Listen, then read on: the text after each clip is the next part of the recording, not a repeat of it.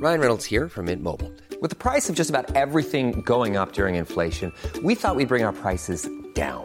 So to help us, we brought in a reverse auctioneer, which is apparently a thing. Mint Mobile unlimited premium wireless. Have to get 30, 30, bit to get 30, bit to get 20, 20, 20, bit to get 20, 20, bit to get 15, 15, 15, 15 just 15 bucks a month. So, Give it a try at mintmobile.com slash switch. $45 upfront for three months plus taxes and fees. Promo rate for new customers for limited time. Unlimited more than 40 gigabytes per month. Slows. Full terms at mintmobile.com. Millions of people have lost weight with personalized plans from Noom, like Evan, who can't stand salads and still lost 50 pounds. Salads, generally, for most people, are the easy button, right? For me, that wasn't an option. I never really was a salad guy. That's just not who I am. But Noom worked for me. Get your personalized plan today at Noom.com. Real Noom user compensated to provide their story. In four weeks, the typical Noom user can expect to lose one to two pounds per week. Individual results may vary.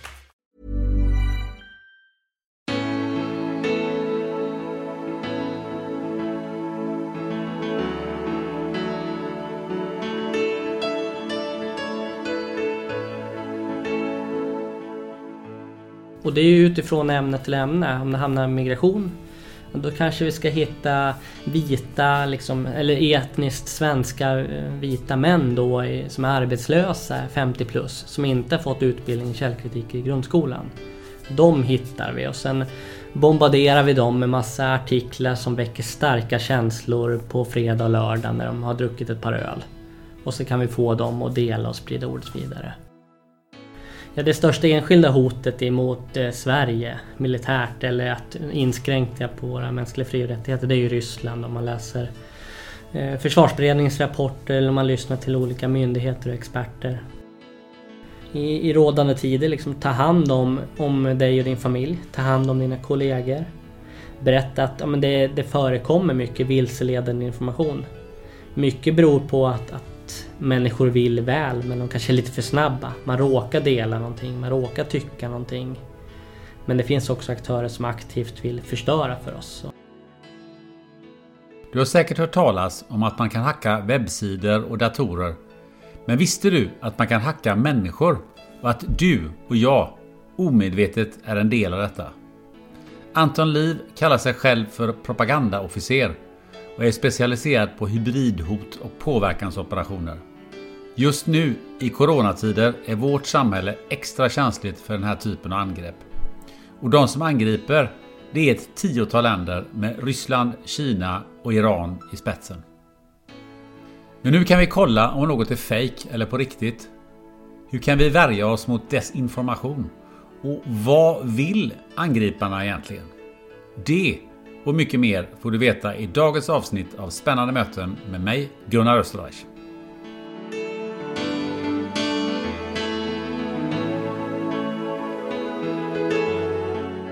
Anton Liv, rådgivare inom krishantering specialiserad på påverkansoperationer och hybridhot och kallar sig själv för propagandaofficer. Välkommen till podden Spännande möten. Ja, men tusen hjärtligt tack.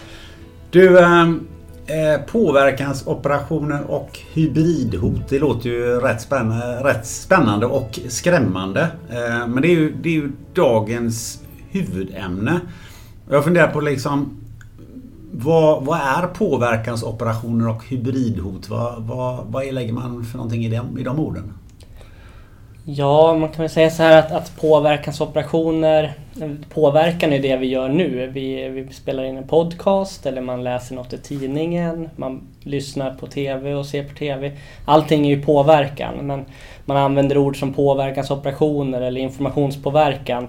Det handlar om potentiellt skadlig kommunikation där en, en aktör med, med ond avsikt, någon som vill förstöra i, och ha egna intressen liksom försöker genom kommunikation påverka oss. För oss på ett negativt sätt. Då. Men vad är ett hybridhot? Är det, är det samma sak som... Eh, jag har hört talas om någonting som heter asymmetrisk krigföring. Är det ungefär eh, någonting Ja men exakt. Det är sådana här buzzwords. Hybridhot eller gråzonsproblematik. De är bra på ett sätt. Liksom de påtalar att, att reguljär krigföring är inte två arméer och stridsfordon och soldater. Utan det, en, det moderna kriget ser annorlunda ut. Samtidigt är det ett dåligt ord för att det moderna kriget eller de konflikter vi har i samhället och runt omkring oss.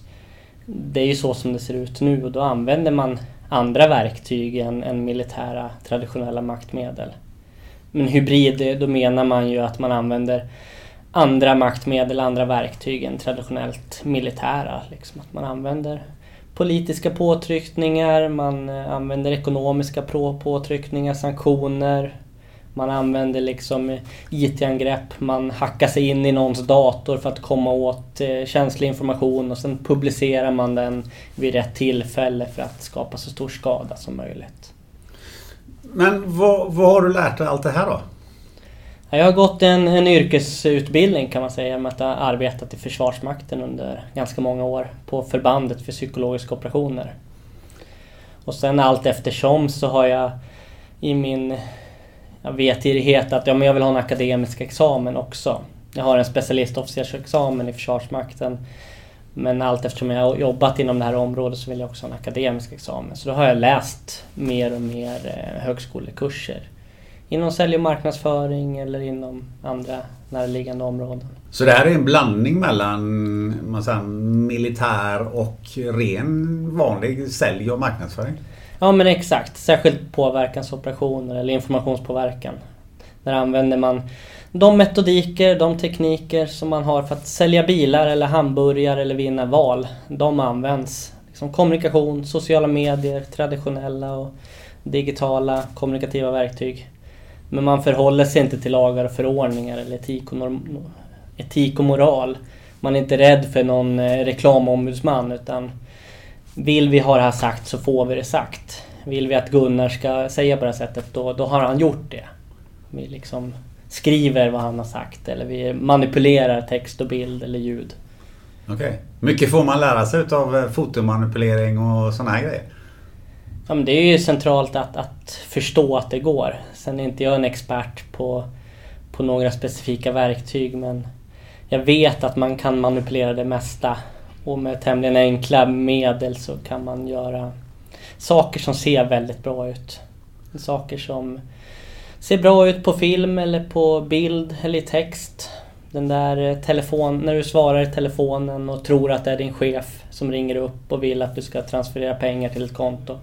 Då kan det mycket väl vara liksom en dator, en, en algoritm som ringer upp dig och, och lurar dig för att den låter som din chef. Liksom.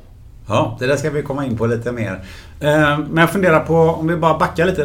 Hur kommer det sig att du överhuvudtaget blir intresserad av det här?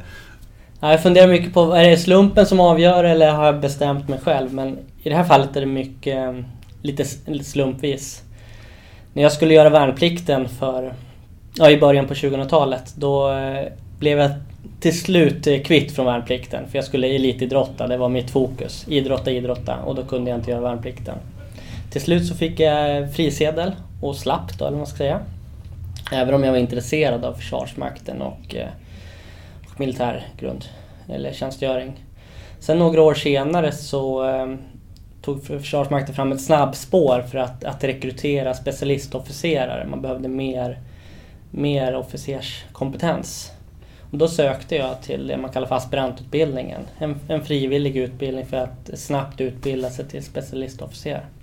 Alltså först ville du slippa lumpen? Ja, men exakt. och sen ja. så skulle du göra den? Ja, det, det, passade inte då för då när jag var 19 år då skulle jag liksom vinna junior-VM i orientering. Det var, okay. mitt, det var mitt enda mål i livet. Och då kunde man ju inte vara 11 månader i Boden. Så Nej. till slut så blev jag fri då. Eller vad man ska säga. Eh, för att jag skulle göra det. Ehm, men sen, jag var intresserad av Försvarsmakten och jag trodde att det skulle passa mig. Och några år senare när de öppnade den här möjligheten för att frivilligt söka den grundutbildningen och sen bli specialistofficer. Då gjorde jag det och kom in. Läste mot ledningssystem mark, att man skulle jobba med, med ledning och kommunikation, liksom radio och IT. Men i samband med examen 2010 så annonserade förbandet för psykologiska operationer, SIOPS-förbandet, ut tjänster. Så då sökte jag en av dem och fick en tjänst där. Och sen har jag jobbat med psykologiska operationer i dryga åtta år efter det. Då. Du, du, det där med eh, vinna junior-VM, det, det, måste vi utveckla lite bara helt kort. Var, var, du så bra i orientering så att du var på den nivån? Nej, jag, jag ville bli så bra. Men okay. tyvärr är jag den eviga fyran. Liksom jag har kommit fyra i, i bra många juniorkupper och, och, eh, svenska mästerskap men jag har aldrig kommit upp på pallen och det är det som har legat till min nackdel. Då. Men jag, eh, orientering var mitt liv hela ungdoms och junioråldern. Liksom. Orienteringsgymnasium och när man slutade gymnasiet så då bodde man hemma och tränade och åkte på läger och, och satsade mot olika mästerskap. Då. Ja, för jag kan relatera till det här ehm, eh, själv eh, lite grann. För när jag var i den åldern då var ju vi ju alla tvungna att göra eh, lumpen på den tiden. Eh, och eh, jag höll också på med elitidrott och eh, antingen skulle det vara det jägarförband eller så var det inte alls. Mm. Och det blev inte alls faktiskt. Nej. För jag fick inte vara... Jag fick inte... Jag blev inte antagen till jägarförband beroende på att jag hade lite för dålig syn. Och då tyckte jag att då, då kan jag lika gärna skita i det. Ja. Då, då, då, då vill jag hellre träna. Så att eh, jag förstår din Det var lite ingång. liknande fokus som jag hade där ja. och då i början på 2000-talet. Ja. Sen samtidigt nu när jag väl har kommit in i Försvarsmakten och har arbetat i Försvarsmakten. Då fanns det ju militära landslag. Så civilt så har jag varit en glad amatör eller elitamatör om man ska säga. Men militärt så har jag ju varit mer en stjärna och varit med i militära landslag i nu tio år och sprungit både militära VM och militära OS. Så det är ju det är superhäftigt. Ja. Då har jag ju tävlat emot de bästa i världen. För i Sverige då skickar man försvarsmaktsanställda som är ja, men, duktiga officerare, soldater eller civilanställda. Kanske någon B-landslagsman om man kan säga så. Medan Ryssland, de har ju samma trupp på eh, militära VM som civila VM. Dessutom är de anställda av Försvarsmakten och deras lön baseras på deras militära prestationer. Okej, okay, så då får du möta absolut tuffaste motstånd? Ja, men exakt. Så jag var faktiskt i Wuhan, Kina i oktober. Oj. På militära OS. Och, och sprang orientering då emot eh, världens bästa. Och... Det var före Corona det? Ja. Var precis det? Ja, men exakt.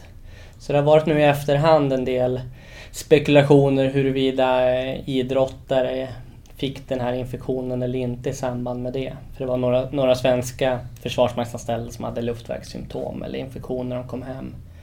Men de tester som har gjorts har påvisat att ingen utav dem eh, liksom hade spår eller antikroppar emot covid-19. Då. Ja, för det var ett, i alla fall ett tag innan man började rapportera om... Ja, det här var i slutet av, eller mitten, slutet av oktober. Ja. Så det var ett par månader innan de officiella siffrorna. Idag så jobbar du på Combitech. Kan du bara kort säga vad, vad, är, eh, vad är Combitech för företag?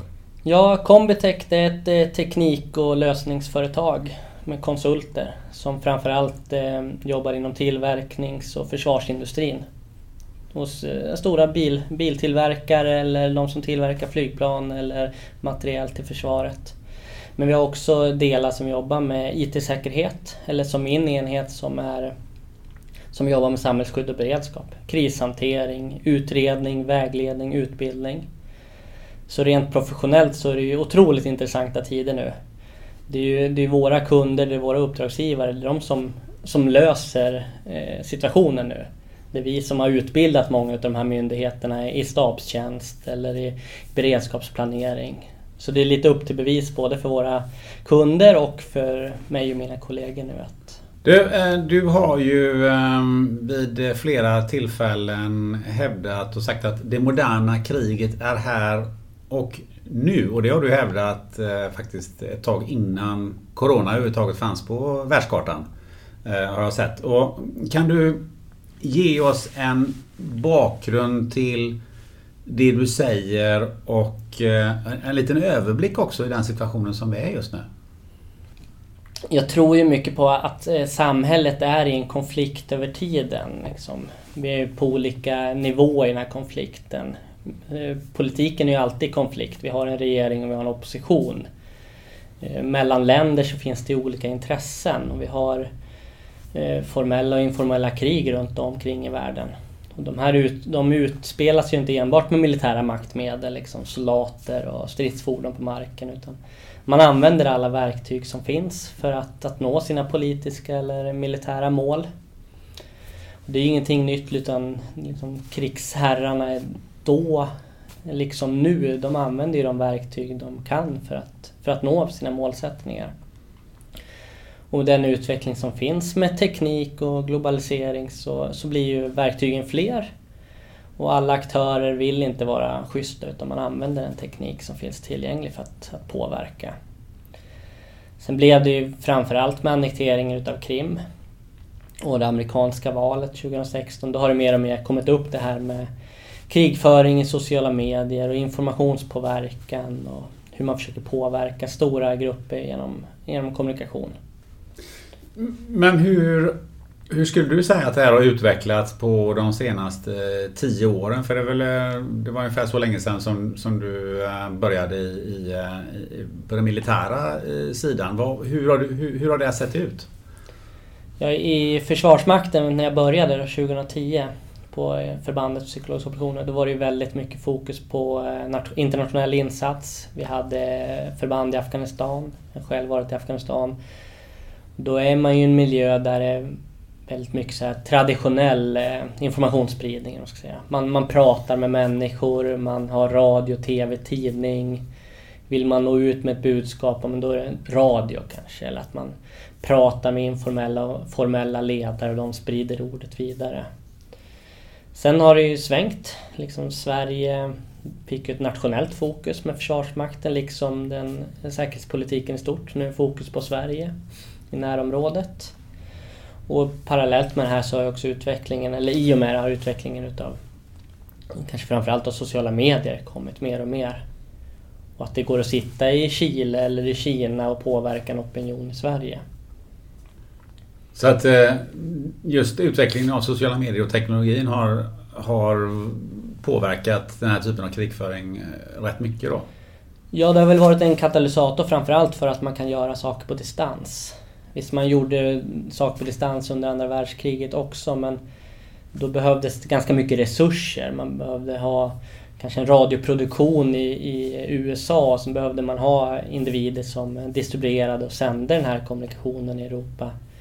Men nu så kan, precis som du och jag sitter nu, kan man spela in ett inslag, sända det på andra sidan världen och sen köper man likes och delningar. Så får det stor spridning. Det ska bli intressant det, för det, det, är precis det vi ska komma in på alldeles strax. Men jag tänkte så här, det finns en massa eh, ord som eh, surrar omkring ja. just nu. Eh, så jag tänkte att vi, vi kör en liten sån här eh, ordlista innan vi ja, jättebra. går vidare. Se om jag kan dem själv. Ja, det kan du säkert. Eh, men man pratar bland annat om någonting som heter infodemi. Ja, men exakt. Eh, en informationsepidemi. Och redan i början på februari, tror jag vet 13 februari så uttalar sig Världshälsoorganisationen i alla fall om att man parallellt med pågående epidemi i Kina och den möjliga pandemin i världen så såg man en informationsepidemi. Liksom en, en epidemi utav ryktespridning av felaktig information som spreds. Och att man liksom epidemin i Kina behövde verkligen arbeta mot den här infodemin då. Vad är då desinformation är det motsatsen till information eller hur ska man tolka ordet ja, desinformation? Ja, desinformation det är information som avsiktligt vill förstöra. Eh, desinformation är information som där en aktör avsiktligt vill vilseleda oss, avsiktligt eh, har felaktigheter i sin kommunikation för att påverka dig och mig eller olika grupper. Man vill medvetet eh, vilseleda, störa, tjäna liksom i sina egna syften. Vad är då social och kognitiv hacking? Ja, det, det är bra ord. Jag tycker man kan hacka allt. Man pratar jättemycket om att hacka en dator. Ja.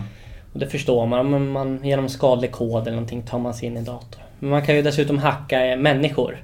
Okay. Så, så länge vi har en människa bakom datorn eller bakom maskinen eller statsministern är en människa så, så är alltid det människan som är den mest sårbara. Man hackar individen. Kanske mest påtagligt med det amerikanska valet 2016 att med alla de datapunkter eller all den information man kan samla via Facebook och andra sådana här eh, tjänster så vet man jättemycket om dig och mig. Man vet vart vi bor, vart vi, eh, hur våra familjer ser ut. Men man vet också vad man är intresserad av. Vad man har för värderingar i olika ämnen, vilka intressegrupper man är med i. Om man då tittar på all den här eh, informationen så kan man forma budskap utifrån ja, men Gunnar, eller de som är som Gunnar. Vi formar budskap som han, som han attraheras av, eller han har större sannolikhet att, att uppskatta eller gilla. Och då, då hackar man ju individen kan man tänka. att Vi skickar information som är skräddarsydd för dig och dina, dina jämlika. Och sen då vet vi att sannolikt kommer du gilla det här. Eller det kommer göra dig upprörd eller förbannad eller stolt eller glad. Och så skickar man kanske helt annan information till mig och, och de som är lik mig i beteenden och värderingar.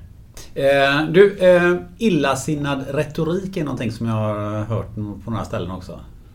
Ja men exakt. Negativ retorik eller malicious rhetoric. Det handlar om att titta på eh, ordet och hur man kan använda det. Om man tittar på våra eh, goda talare eller politiker. Liksom, de är ofta fantastiska retoriker och vet hur man ska slå igenom och nå ut med budskap. Man tar eh, deras styrkor men sen är man bara negativ. Man använder de här teknikerna för att förstöra. Så istället för att övertyga någon i en, i en diskussion så vill man bara förstöra i diskussionen. Kanske har ett, ett gruppforum på nätet, man diskuterar någonting, det är en bra debatt, man kommer med argument och motargument, man får tycka olika. Man försöker bemötas varandra argument. Då kan det komma in en aktör som aktivt vill förstöra, som börjar personangrepp. Eller kanske förklara för dig, men du Gunnar, du tycker ju så här, du gillar ju inte alls det här bilmärket. Du ska veta att. Så man Mm. aktivt förstör då. Bra, då har vi fått liten, en liten ordlista på det här. Ehm, Det du också har sagt är att vi behöver hålla huvudet kallt, hålla hjärtat varmt och hålla händerna rena.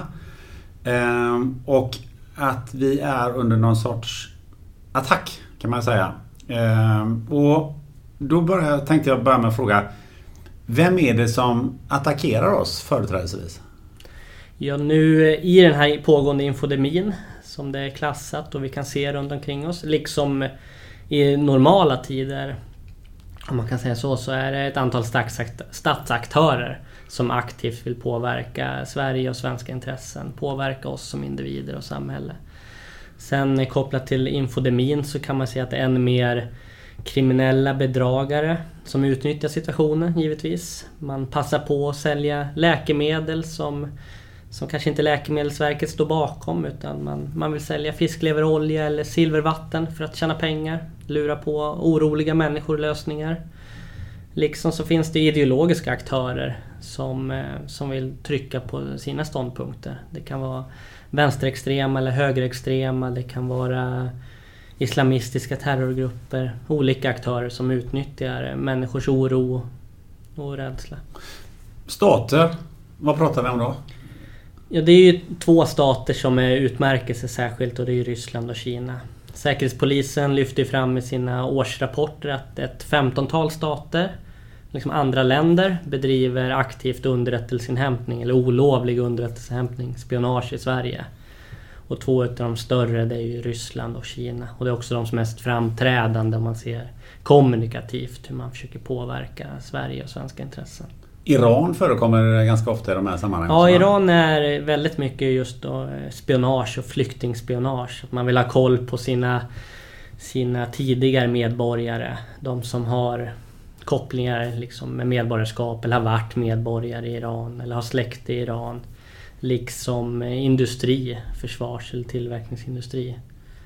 Vi har Sverige, vi har EU, vi har eh, regler och regelverk som gör att ja, men Iran kan inte köpa den teknik de alltid vill utav Sverige till exempel. Så då försöker man tillskansa sig information på andra sätt. Det är lite intressant att, det, är att Iran är ett av de länderna. För det är ju, alltså att, att Kina och Ryssland är huvudaktörer är väl kanske inte så, så förvånande. Men ett land som, som Iran just. Eh, varför är de så himla intresserade? För det måste ju finnas rätt många den typen av stater som, som Ja, det våra... finns ett, ett antal stater, liksom så revanschistiska stater.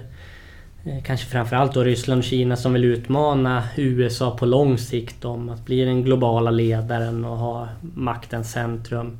Men det finns också andra stater som Iran som, som vill ha mer inflytande i, i sin region eller i omvärlden.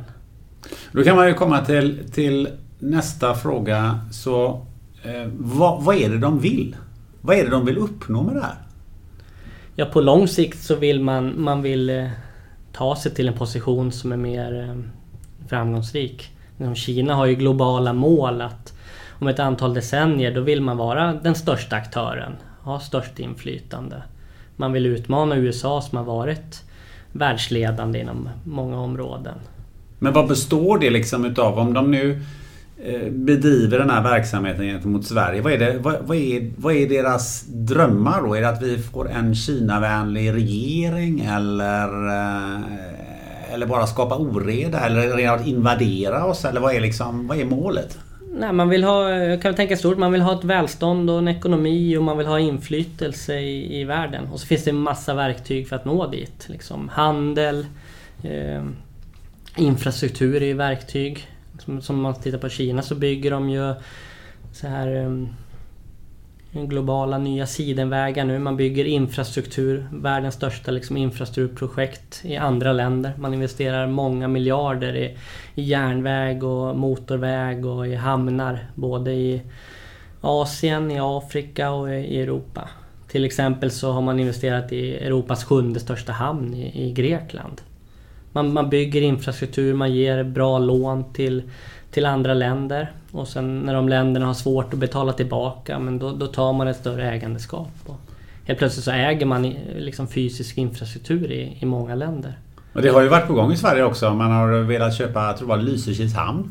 Ja men exakt. Ja. Eh, och man hade väl eh, Eh, köpt en ubåtshamn i, nedlagd ubåtshamn i Fårösund eller något sånt där? Jo, det finns ju... Kina liksom andra länder äger ju väldigt mycket infrastruktur och, och kritiska företag och verksamheter i Sverige. Och det är ju att man långsiktigt vill, vill ha den förmågan eller kompetensen själv. Man har till exempel Made in China 2025 där man ska vara ledande och självförsörjande inom vissa områden. Bioteknik, kemi, tillverkning av vissa saker. Om man tänker på ryssarna då, har de samma mål? Ja men på sätt och vis. Man vill, man vill eh, ha sin auktoritära stat och man vill kunna driva den politik och utveckla landet som man vill. Och Ryssland eh, är ju en konfrontationszon emot eh, USA och väst, eller NATO. Liksom Östersjön är ju verkligen en, en konfrontationszon mellan väst och öst, eller vad man ska säga. Vi har NATO i Baltikum. Och sen har vi Ryssland, så man ligger liksom gräns emot gräns. Så där skulle man väl säkert vilja ha en liten eh, buffertzon. Och inte ha amerikanska trupper bara någon mil ifrån sitt eget land. Så de kan ha en mer, eh, en liten annan agenda än vad kineserna har? Att kineserna skulle invadera Sverige är väl ganska otroligt men ryssarna ligger ju lite närmare till. Ja, det största enskilda hotet emot eh, Sverige militärt eller att inskränka på våra mänskliga fri och rättigheter det är ju Ryssland om man läser Eh, försvarsberedningens rapporter eller om man lyssnar till olika myndigheter och experter, både svenska och utländska, så är Ryssland den enskilda aktören som har störst som är den största risken eller hotet emot Sverige och det sätt vi är vana och vill leva här och nu. Men vad för typ av, av information är det de framförallt sprider, eller desinformation de framförallt sprider? Inom, inom vilket område är det framförallt? Ja, Ryssland liksom Kina de, de kontrollerar ju mycket av den media som finns nationellt. Liksom, media, liksom TV, tidningar, radio, internettjänster. De är ju statsstyrda på olika sätt. De ägs eller direkt kontrolleras utav, utav staten. Så liksom ryska medborgare, eller, de är ju som du och jag i stort sett. Ja, det de allra flesta vill leva sina liv, liksom, försörja sin familj, ha ett bra liv. Men sen har vi kommunistpartiet i Kina eller, eller statsledningen i Kreml då, som, som vill påverka. Men vad gör de så att säga? Inom vilket område är det de försöker påverka oss i? Eller vad, är, var någonstans, vad skjuter de in sig på? Ja, Ryssland är ju jätteduktiga på att, att eh, se vilka sårbarheter har vi i samhället. Har vi en eh, politisk inhemsk debatt om till exempel lag och ordning det bubblar mycket nu i Sverige om att polisen är underbemannad eller det brinner massa bilar, vems fel är det? Polisen kan inte göra sitt jobb. Då är man jätteduktiga på att, att förstärka upp de här grupperna, att, att se till att polariseringen blir större. Och att diskussioner om lag och ordning eller om migration, att den, den framstår som att vara större och mer betydelsefull än vad den de facto kanske är. det är jätteviktiga frågor med migration, integration, lag och ordning.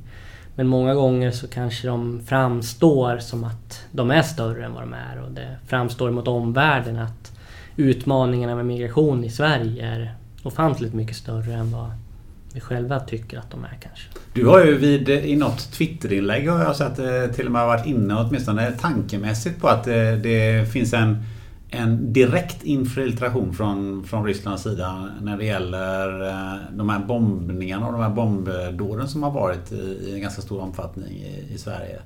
Ja, det är möjligt. Det, det man kan se är ju framförallt att men varför göra någonting själv? Det är inte så att man åker hit med en rysk flagga och sen tänder man på massa bilar.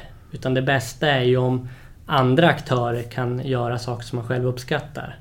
Det kan ju vara att man aktivt liksom ger någon i uppdrag att ja, men, tända eld på massa bilar. Det skulle kunna vara så.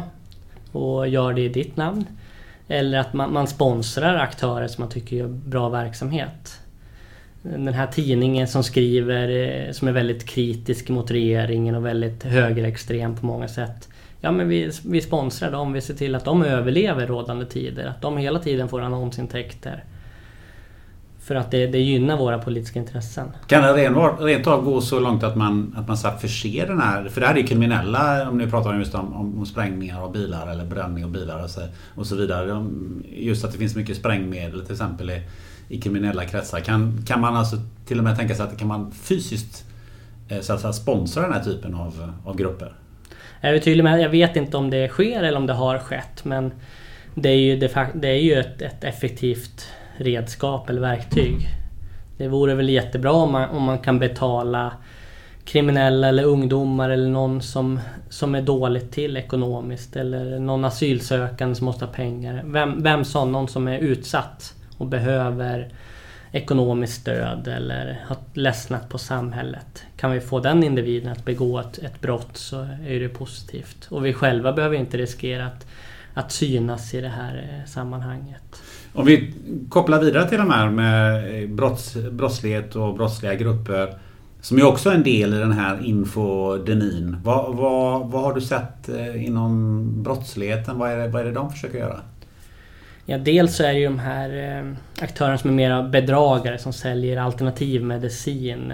Man säljer kolodalt silver, silvervatten till höga priser. Och påstår att ja, men det botar dig mot Corona eller det stärker ditt immunförsvar. Det finns ju inte evidens för det. Och man, man tjänar pengar på att människor är oroliga. Sen finns det ju exempel där man ja, men precis som normalt nätfiske liksom. Att man får massa mail i inkorgen om din granne har Corona eller du har du Corona, testa dig själv och sen klickar man och installerar någon skadlig kod på sin, sin dator till exempel. Och det är också någonting som Säkerhetspolisen och andra expertmyndigheter varnar för, liksom den här typen av bedrägerier via nätet eller telefon eller falska poliser som knackar dörr och ska hjälpa dig liksom någon individ som vill hjälpa dig att handla. Och sen ska du ge dem dina kontouppgifter och sen blåser de dig på pengar. Mm. Men är det så att eh, om man går tillbaka till just främmande makt. Eh, värvar man aktivt personer i Sverige eller sitter man bara i Ryssland och, och, och sätter upp konton? Eller hur, hur, hur funkar det här? Det kan jag inte svara på om, om man värvar på det sättet. I, det kan man, får jag hänvisa till till exempel Säkerhetspolisen eller Militär underrättelse och säkerhetstjänstens årsrapporter. Däremot så, så vill, utnyttjar man ju gärna individer medvetet eller omedvetet. Nyttiga idioter kan ju vara du och jag.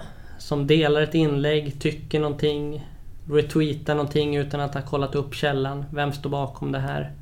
Och så pratar man om att man gör inlägg i, i eh, Facebook eh, och så vidare som vi sen sprider. Men, men kan du berätta lite mer specifikt hur, hur går det till att göra sådana här grejer? Sitter man och, och, sätter upp en massa konton och så börjar sprida information? Eller eh, värvar man människor i Sverige som sen ska sprida information på sina egna konton? Eller vad, vad är, liksom, vad är tillvägagångssättet i sammanhanget?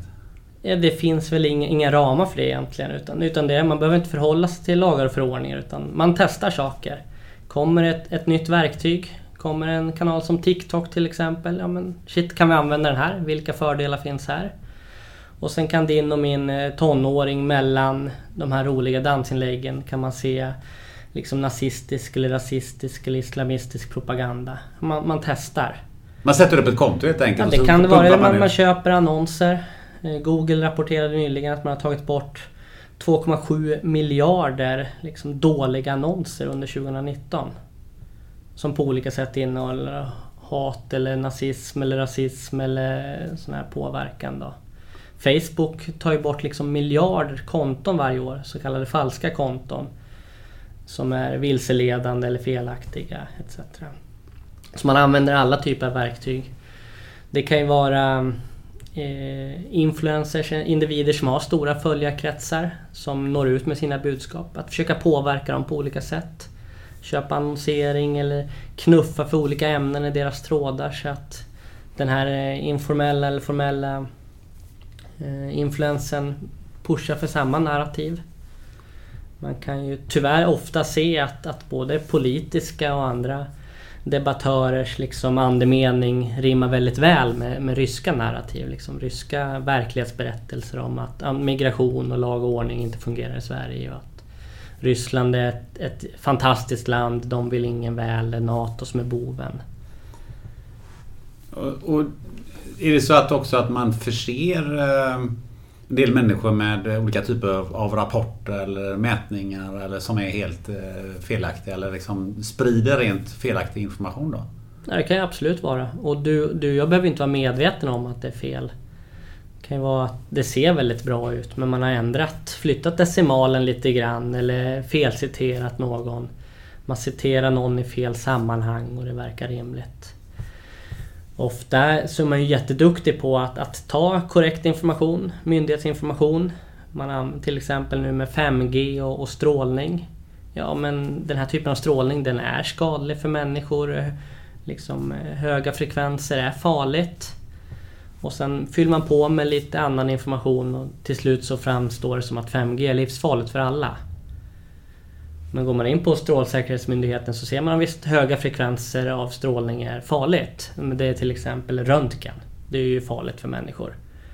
Men 5G liksom 4G med de gränsvärden vi har på det sättet antennerna är placerade på det sättet det används. Då är det inte farligt för, för människor. Det finns inget evidens för det. För vi kommer in på det här med att, att, eh, så att säga, allmänheten och och det, det, det, är ju du och jag och alla andra som, som rör oss i de här medierna och rör oss i samhället överhuvudtaget. Eh, och då har det många gånger sagt att ja, men vi har alla ett ansvar. Fast kan du berätta lite, hur ska vi hantera det ansvaret? Det är svårt, men jag är tydlig med att det är upp till dig och mig till slut, tycker jag. Vi kan eh, säga att regeringen måste ordna det här, eller det är techbolagen, det är Facebook som har ansvaret. Det är jättebra att vi har två statliga utredningar nu. Dels utredningen om en ny myndighet för psykologiskt försvar och dels utredningen om det demokratiska samtalet. Det är bra utredningar och de kommer hjälpa oss i det här arbetet. Men till slut så är det ju du och jag och våra vänner och kollegor som, som bestämmer vilket land vi vill leva i och hur vi vill prata med varandra och vilken information vi tycker är viktig. Men du har sagt så här att, en, att man borde ha en personlig mental brandvägg. Som är ett intressant eh, eh, uttryck. Men hur skaffar vi oss den där mentala brandväggen? Vad är det vi ska se upp med? Men exakt, eh, individen är central i det här och då tycker jag mental brandvägg är bra. Vi har ju en brandvägg hemma för datorn, vi har liksom lås på våra dörrar. Vi behöver någon form av brandvägg i, i våra huvuden också. Tekniken är fantastisk men precis som när vi kör bil så ska vi ha bältet på oss och vi ska följa hastighetsbestämmelserna. Vi ska inte köra narkotika eller alkoholpåverkade. Så när vi liksom pratar med vänner på stan eller när vi surfar på nätet då måste vi ha den här brandväggen igång. Vi måste ha bilbältet på oss. I grunden är det medvetenhet om att alla de här verktygen eller det vi läser och ser i, i tidningar, det vi hör utav vänner och bekanta. Att det kan finnas felaktigheter i det och det finns individer som aktivt vill förstöra för oss. Men är det någon sorts defaultläge som vi ska eh, inta där vi så att säga ska, ska vara kritiska mot allt? Som, som står var som helst? Eller vad är, vad, vad är det vi ska göra? Det är, det är ju farligt också, eller det är ju lätt att få människor att bli eh, kritiska liksom. Men jag kan inte lita på, eh, på nyheten eller kan inte lita på det jag ser. Det som är viktigt då är att bygga källtillit. Liksom. Vilka aktörer, vilken kommunikation kan jag lita på?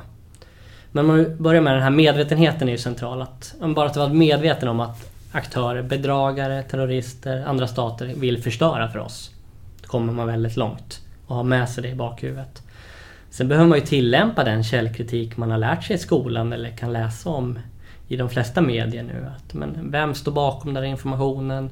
Är det liksom en avsändare som jag har erfarenhet av? Vad står det? Kan jag jämföra med någonting annat? Den här rubriken eller ingressen väcker en massa starka känslor. Blir jag förbannad eller stolt eller sur när jag läser det här? Ja, då kan jag behöva ta ett andetag och, och, läsa vidare och kolla källan innan jag delar vidare till exempel. Eller skaffa mig en uppfattning. Men det är ju svin, det är svinjobbigt att bildgoogla varenda bild jag ser. Eller kolla upp det här citatet och lyssna på alla dina poddavsnitt. Så därför är det viktigt att bygga källtillit. Det är ett, ett nyord sedan ett par år tillbaka. Och det innebär? Ja, det innebär att man har, man har förtroende och tillit för en avsändare. En avsändare som man under lång tid har följt. Man kan se att den är, den är trovärdig, den jobbar källkritiskt, den jobbar sakligt. Och för min del så är det till exempel public service med Sveriges Radio och Sveriges Television. De större etablerade dagstidningarna, Dagens Nyheter, Göteborgs-Posten med flera. Visst, de har, gör också fel. Det kan finnas felaktig information.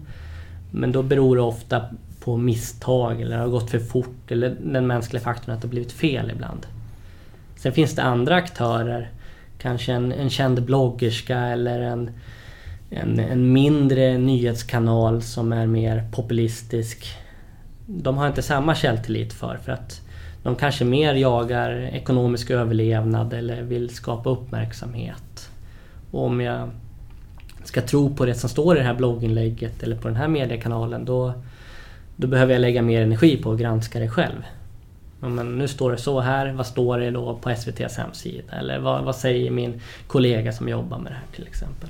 För jag, jag kan dra en parallell där för att jag intervjuade en, en kille som är psykolog som heter Magnus Lindvall i podden här för några månader sedan.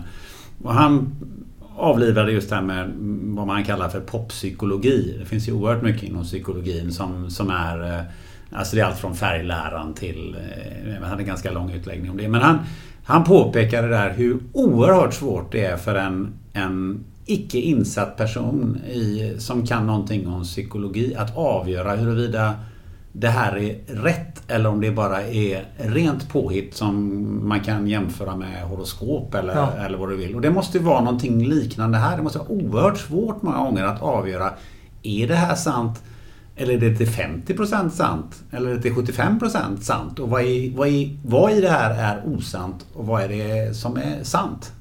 Ja men verkligen. Och det är ju sällan man, lä man läser en artikel i tidningen som är signerad liksom vi i Ryssland tycker så här, det här är fake.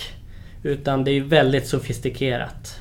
Man fångar upp ett, ett socialt problem i samhället, till exempel migration. Man hittar en, en, en, artikel som är kritisk och vill granska en myndighets hantering utav migration, till Migrationsverket. Och sen kanske man översätter den till ett annat språk. Man refererar till en annan aktör. Man översätter och sammanfattar på ett tredje språk. Kanske från svenska till engelska till ryska. Summerar det på franska. Och sen refererar man bara till den, den engelskspråkiga artikeln i början. Och sen i slutändan så har man flyttat ett decimal eller flyttat ett, ett, ett citat. Så att det blir lite fel.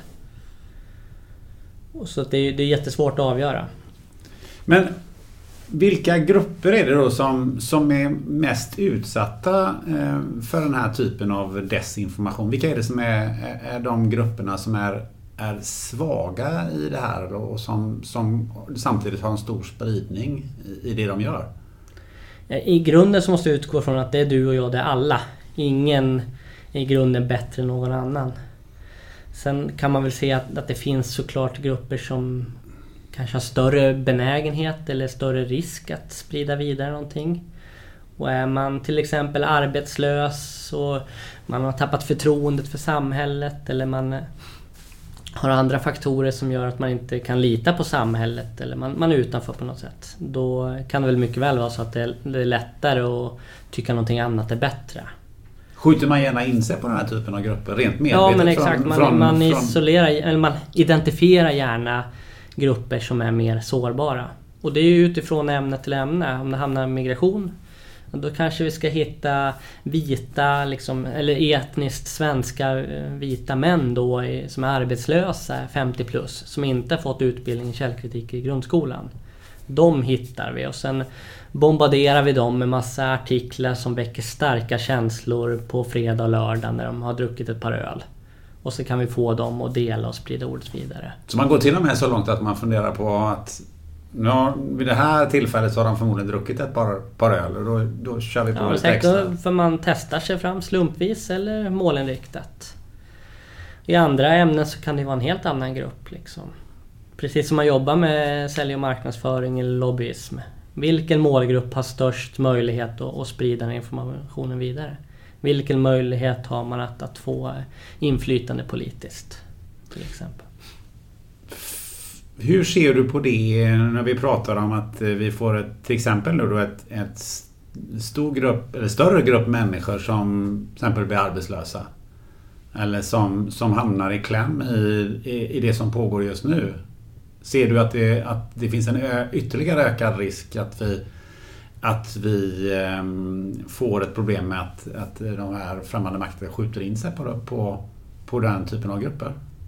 Ja men verkligen. Ehm, det är många aktörer som varnar nu liksom på saker som sker parallellt med pågående krishantering av coronapandemin.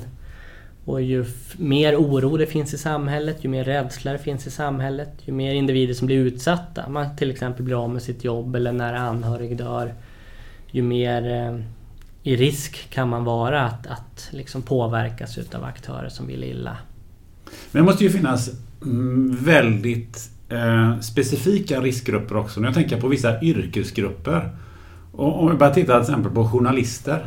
Hur, hur eh, jobbar man specifikt med journalister på något sätt? För att, för att för de har ju ändå en större yta Eh, en större kommunikationsyta mot, mot övriga befolkningen än vad, vad, vad någon som sitter någonstans i något, något övergivet ställe och, och är arg. Hur, hur, har, hur har du sett på journalister och, och hur, hur de har påverkats? Man, eh, från Myndigheten för samhällsskydd och beredskap, MSB, som, som jobbar med de här frågorna framförallt. De har en enhet för skydd mot informationspåverkan. Då har man ett starkt fokus på kommunikatörer i stort. Människor som jobbar med press och media och journalister. Så till exempel så har man gett ut en handbok att möta informationspåverkan mot kommunikatörer eller för kommunikatörer. Den funkar svinbra för dig och mig och för, för alla egentligen. Den är i grundversionen populärvetenskaplig och man, man fattar vad det står. Men sen har man gjort djupare fokuserat, eller mer fokuserat arbete på just journalister och människor som jobbar professionellt med media och press. Till exempel har man en, en hemsida, en portal tillsammans med Fodjo och Mediainstitutet som är en del av Växjö universitet. Va?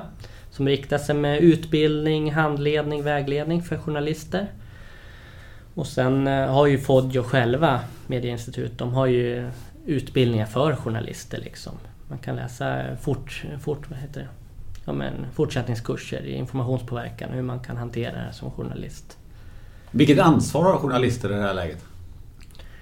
Ja, de har som i, i allt sitt arbete har de ett jättestort ansvar tycker jag. Absolut, det är en del utav deras profession kan ju tänka att, att jag som enskild, jag har ett stort ansvar men så länge jag pratar med dig, eller ja, inte dig nu då, men med min granne och min familj och, och håller min informationsspridning ganska lokalt. Så kanske jag inte har samma ansvar för någon som, som får betalt för att, att skriva för, för många människor. Så det, det kom ett jätteintressant policyförslag från en tankesmedja precis att som var lite stort att ju större publik du har, ju större ansvar har du. Till exempel att, att du som privatperson, du kanske kan tycka och tänka lite som du vill för du når inte så många människor. Men en influencer eller en politiker eller en företagsledare, de har ju jättemånga följare eller som hör deras information. De kanske skulle ha någon form av digitalt körkort Så ju fler följare man har desto mer utbildning måste man få. Ska den vara frivillig och obligatorisk. Men intressant då. Hur, eh, eh, hur blir eh, journalisterna påverkade idag utav den här eh, infodemin som just nu pågår i samband med pandemin? Ja men det är supersvårt för eh, journalister, mediehusen precis som alla andra. Det händer här och nu. Det är operativ krishantering här och nu. Vi har inte gjort det här tidigare på det här sättet. Och tyvärr kan vi se hur, hur aktörer som TT, Tidningarnas Telegrambyrå och SVT och de stora mm, mediehusen, att de liksom mer eller mindre rakt av har rapporterat det som kinesiska staten har sagt. Liksom kommunistpartiet rapporterar vi har inga mer inhemska fall. Coronasmittan sprids endast med importerade fall. TT skriver en artikel om det som publiceras i Göteborgs-Posten och många andra tidningar och byråer kan vi lita på det? Ja, Kina säger så. Men då kanske man skulle ha frågat någon annan aktör. Är det här rimligt att de kan rapportera det här? Vad säger liksom en epidemiolog om det här? Eller vad säger en expert på informationspåverkan om det här? För vi vet ju att i grunden så eh, hanterar till exempel kommunistpartiet, de hanterar media i landet. De bestämmer vad som kommuniceras med omvärlden. Så att ehm, just den typen av nyhet, eller den nyheten var någonting som man ett inte undersökt och till och med kanske var eh, helt falska påståenden? Ja, jag tror ju att det, det finns ehm, stor risk för att det finns felaktigheter i det där. Och att det, det är till exempel Kina ett jättestort land och att de kan rapportera att deras miljardbefolkning inte har några inhemska fall. Det måste ju vara jättesvårt. Och dessutom vet vi att de aktivt försöker förändra berättelsen om det här viruset och uppkomsten till pandemin.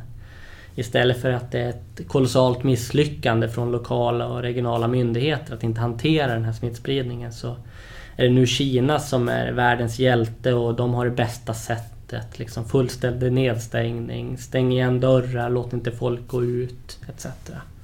Hur pålästa är journalisterna idag? För att de har ju också en situation där de väldigt snabbt ska omvandla den informationen de får i någon form av artikel som helst ska vara klickvänlig så att man eh, får så många, eh, eh, många läsare till just den artikeln och, och till, sin, till sitt media. Hur påverkar det journalisterna?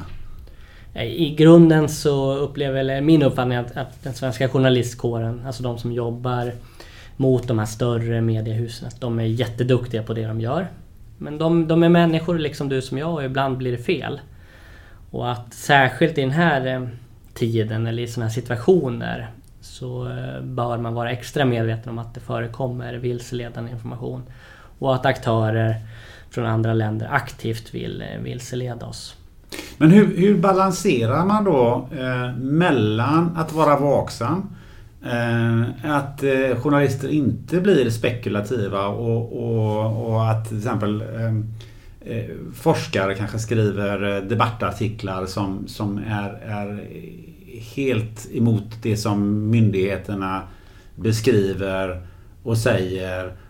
Och det, i den andra vågskålen så ligger ju att deras eh, uppgift är ju att granska myndigheterna och att eh, ifrågasätta det de gör. Hur ser du på det? För det måste ju vara en ganska knivsägg att vandra på ibland. Ja men verkligen supersvårt kan tänka, jag har inte sett så mycket debatt om det nu men vid höjd beredskap med liksom fara för krig eller krig i Sverige. Då har ju Sveriges Radio P4 och Sveriges Television, då har ju de ett uppdrag att, att förmedla liksom regeringens eller centrala myndigheters information. Så jag tänker att om det fungerar säkert så redan nu, det får vi kontrollera, men att delar utav redaktionerna kanske skulle jobba aktivt med att bara förmedla regeringen, expertmyndigheternas information. För det är centralt att det är Folkhälsomyndigheten och Socialstyrelsen når ut med att, att alla får det till sin livs. Och att man har en annan eh, uppdelad redaktion som aktivt jobbar med att granska, ifrågasätta, ja men granska både myndigheter och regering. För det blir ju lite så, åt ena sidan vill vi ha vårt öppna demokratiska samhälle där saker och mm. ting skall ifrågasättas. Jo men verkligen. Och jag tror att det är en utmaning om man som journalist både ska förmedla myndighetsinformation och aktivt granska. Så jag hoppas att om man jobbar att kanske du jobbar med att, att förmedla myndighetsinformation, att den kommer ut så bra som möjligt. Och att du aktivt granskar den informationen. Och det är ju centralt att vara kritisk mot information. Men man behöver också hela tiden presentera, men om de säger så, vad säger de andra? Säger Donald Trump det här, men vad säger den här experten eller vad säger den här staten? Då? Att man kontinuerligt presenterar alla sidor utav mynten, olika åsikter. Om du själv skulle lägga en, eh, en tanke på hur eh, journalister och media överhuvudtaget har eh, hanterat just rapporteringen kring pandemin. Vad, vilka, vilka reflektioner gör du själv? When you're ready to pop the question, the last thing you want to do is second guess the ring. At BlueNile.com you can design a one-of-a-kind ring with the ease and convenience of shopping online. Choose your diamond and setting. When you find the one, you'll get it delivered right to your door. Go to Bluenile.com and use promo code LISTEN to get $50 off your purchase of $500 or more. That's code LISTEN at Bluenile.com for $50 off your purchase. Bluenile.com code LISTEN. Ever catch yourself eating the same flavorless dinner three days in a row? Dreaming of something better? Well, HelloFresh is your guilt free dream come true, baby. It's me, Gigi Palmer. Let's wake up those taste buds with hot, juicy pecan crusted chicken or garlic butter shrimp scampi. Mm. Hello Fresh. Stop dreaming of all the delicious possibilities and dig in at HelloFresh.com. Let's get this dinner party started. Quality sleep is essential. That's why the Sleep Number Smart Bed is designed for your ever evolving sleep needs. Need a bed that's firmer or softer on either side? Helps you sleep at a comfortable temperature? Sleep Number Smart Beds let you individualize your comfort so you sleep better together. JD Power ranks Sleep Number number 1 in customer satisfaction with mattresses purchased in-store. And now, save 50% on the Sleep Number limited edition Smart Bed for a limited time. For JD Power 2023 award information, visit jdpower.com/awards. Only at a Sleep Number store or sleepnumber.com. Nej, grund, det är en jättesvår situation. Återigen, alla är människor. Man gör så gott man kan. Jag tror väldigt gott om de här aktörerna. Eh, nu med lite perspektiv och i framtiden så återigen så tror jag att man behöver bli bättre, öka medvetenheten generellt. Även om journalistkåren har en, en hög medvetenhet och är jätteduktig på att eh, källkritiskt granska saker så behöver man bli ännu bättre. Och varje gång det kommer kommunikation eller information ifrån aktörer som till exempel Kina eller Ryssland eller liknande så behöver man ta det där andetaget och, och kolla det en sekund eller en minut eller en dag extra innan man direkt förmedlar det vidare. Men en annan grupp som ju är, är oerhört utsatt kan jag tänka mig, det är ju politiker. Ja. För det är någonting man vill påverka så är det ju dem. Hur, hur skyddar man sig som politiker eh, mot den här typen av operationer? Ja, genom samma lika. Medvetenhet, information, spridning mellan olika politiska partier från expertmyndigheter. Den stora utmaningen här, eller Sverige har varit jätteduktig med Säkerhetspolisen, MSB, andra underrättelse och bevakningsansvariga myndigheter har ju varit jätteduktiga med riksdag och regering jätteduktiga med bevakningsansvariga myndigheter. Man har utbildat länsstyrelse, handläggare på länsstyrelser, handläggare och chefer på bevakningsansvariga myndigheter. Till exempel Socialstyrelsen, och Migrationsverket och Polismyndigheten. Men hittills har man inte mäktat med eller hunnit med andra viktiga offentliga institutioner och individer. Till exempel regioner och kommuner. De här andra hundratals myndigheterna som inte direkt har ett, ett bevakningsansvar. De har inte Säkerhetspolisen och MSB mäktat med att, att utbilda i den omfattning som behövs. För de är ju centrala för, för det svenska samhället, de är centrala för det psykologiska försvaret. Och de måste vi ta tag i. Liksom näringslivet har ju inte alls fått liksom ett statligt stöd än så länge kopplat till psykologiskt försvar och informationspåverkan. Det låter lite som att det finns ett eh, stort eh, utbildningsbehov Ja men verkligen. Och det, jag ser att nu börjar det komma. Man gör ett fantastiskt arbete centralt. Man har hunnit med de här centrala myndigheterna. Man har en väldigt hög medvetenhet på eh, många viktiga myndigheter. Men jag själv som konsult, jag har ju varit på flertalet bevakningsansvariga myndigheter sista året och vidareutbildat eller utbildat fler personalgrupper. Och nu kommer det fler och fler förfrågningar från till exempel kommuner och privata aktörer. Privata verksamheter är jättesvårt. Börsnoterade bolag är ju en stor utmaning tror jag. För polisen och Säkerhetspolisen. Att, men vilka utmaningar har de? Vi har hela tiden det här börsvärdet att förhålla oss till.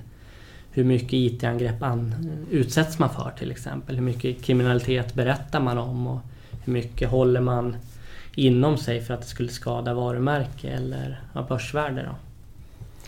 Du, om vi tänker på det här med politiker lite till. Jag, jag, man kan ju inte låta bli att eh, eh ta sig över Atlanten till, eh, till president Trump som både kan säga det ena och det andra. Har du funderat eller reflekterat över huruvida han själv blir någon sorts instrument för den här typen av desinformation eller respektive bedriver egen desinformation för något, för något syfte? Alltså när man, när man lyssnar på det utifrån så kan man ju Ibland tror man ju att han är styrd någon annanstans ifrån. Ibland försöker han, känns det som att han vill styra någon annan. Eh, hur, hur, ska, man, hur ska man tolka de här yttranden som han, som han uh, håller på med?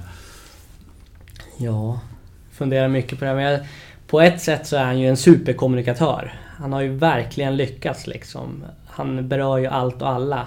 Om man pratar om kognitiv hacking då så kan man prata om parasocial hacking. Till exempel att du, alla, du och jag och många andra är ju bästa vänner med Trump. För att vi får ju hans tweet i telefonen direkt när han har tweetat. Så det känns ju som att vi känner honom nästan. Vi får ju mer information från honom än från andra. Liksom från den där influensen, man är en del utav deras liv. Samtidigt så är han ju på många sätt en direkt motpol till de eh, grundlagar vi har i Sverige med yttrande och tryckfrihet och, och tillit och förtroende för myndigheter. Jag såg någon undersökning att uppemot en tredjedel utav den amerikanska befolkningen trodde liksom att, att det här viruset kom ifrån ett labb eller hade sitt ursprung ifrån ett labb i Kina. Det kan det vara men hittills har det inte presenterats något bevis eller evidens för att det är så. Utan det är däremot många som påstår att det inte kommer från ett labb utan från djurmarknader eller naturligt etc. Och att han då säger det kan man fundera på om han har hittat på det själv eller har han påverkats. Och, ja, jätteintressant att, att, följa och det genomslag han och hans administration har i, i världen är superintressant. För man kan ju fundera lite på att det han säger kan ju vara påverkat av, av just den motsatta makten, det vill säga och framförallt Ryssland. Som på något sätt kan, kan använda honom som ett, eh, som ett redskap eller eh, ge honom information i allt från att man ska dricka desinfektionsmedel till you name it. Ja men verkligen och det är återigen alltså människor är människor och, och statsministern i Sverige är också en människa. Ehm, vi har kognitiva sårbarheter. Och kan man påverka en individ så kan man påverka ett land eller påverka liksom ett stort företag. Det är jättesvårt att säga om Trump men att han påverkas utav känslor liksom du och jag, det, så är det. Och när han twittrar så får det genomslag. Eller när Elon Musk, som också är en människa, när han twittrar och sen faller liksom Teslas börsvärde med ett antal miljarder liksom inom några timmar eller någonting. Det, det visar ju vilket inflytande känslor och vilket inflytande kommunikation har för för fysiska händelser. Liksom. Några andra som eh, också måste vara en sån eh, grupp, riskgrupp eller vad vi ska kalla dem för. Det är ju forskare. Och ett ganska stort genomslag Ja just men nu. exakt. Om vi nu ser på rådande läge. Det är fokus på Corona, det är fokus på expertmyndigheter, det är fokus på liksom eh, vetenskap. Och tyvärr så står ju experterna står ju där ofta och säger vi vet inte, det är för tidigt att säga, det finns inte evidens. Och då behöver ju det det informationsgapet behöver ju fyllas. För du och jag är ju inte nöjda med att men vi vet inte. Men jag måste ju ha svar. Och då är det klart att om någon annan kan presentera information så lyssnar vi på den. Om man då som antagonist, en aktör som aktivt vill göra illa tittar på omvärlden ser man i Sverige är det en jättestor debatt liksom om evidens eller om myndigheter säger rätt eller inte. Det är klart man vill, man vill påverka där. Ju fler som tycker som de forskarna som inte gillar Folkhälsomyndigheten eller bort med Tegnell. Ju fler som tycker så och ju fler som stöttar Tegnell desto bättre. Det sämsta är ju att vi har en, en saklig diskussion med argument och motargument och att vi diskuterar utifrån den fakta som finns och hela tiden kopplar till vetenskapen. Det, är, det är dåligt. Så, så polariseringen är ju det man ofta försöker uppnå. För om, om Sverige får den inhemska debatten bara handlar om Tegnells vara eller inte vara och man bygger upp massa känslor för honom. Jag såg en, en kille, han tatuerade in Tegnell på, på axeln. Och andra vill väl liksom bara förstöra för honom. Desto bättre för då blir ju fokus där. Och då kan ju inte Sverige fokusera på FNs säkerhetsråd eller liksom EU-frågor utan man måste fokusera nationellt och eh, lösa inhemska diskussioner. Så är forskare och, och, och, människor i den ställningen, är de en, en, en riskgrupp eller en påverkansgrupp som kan intressera? Ja, de kan, de kan säkert vara det kopplat till situationen. Det är hela tiden, vad är det som händer? Ja, bilar brinner på gatan i Uppsala.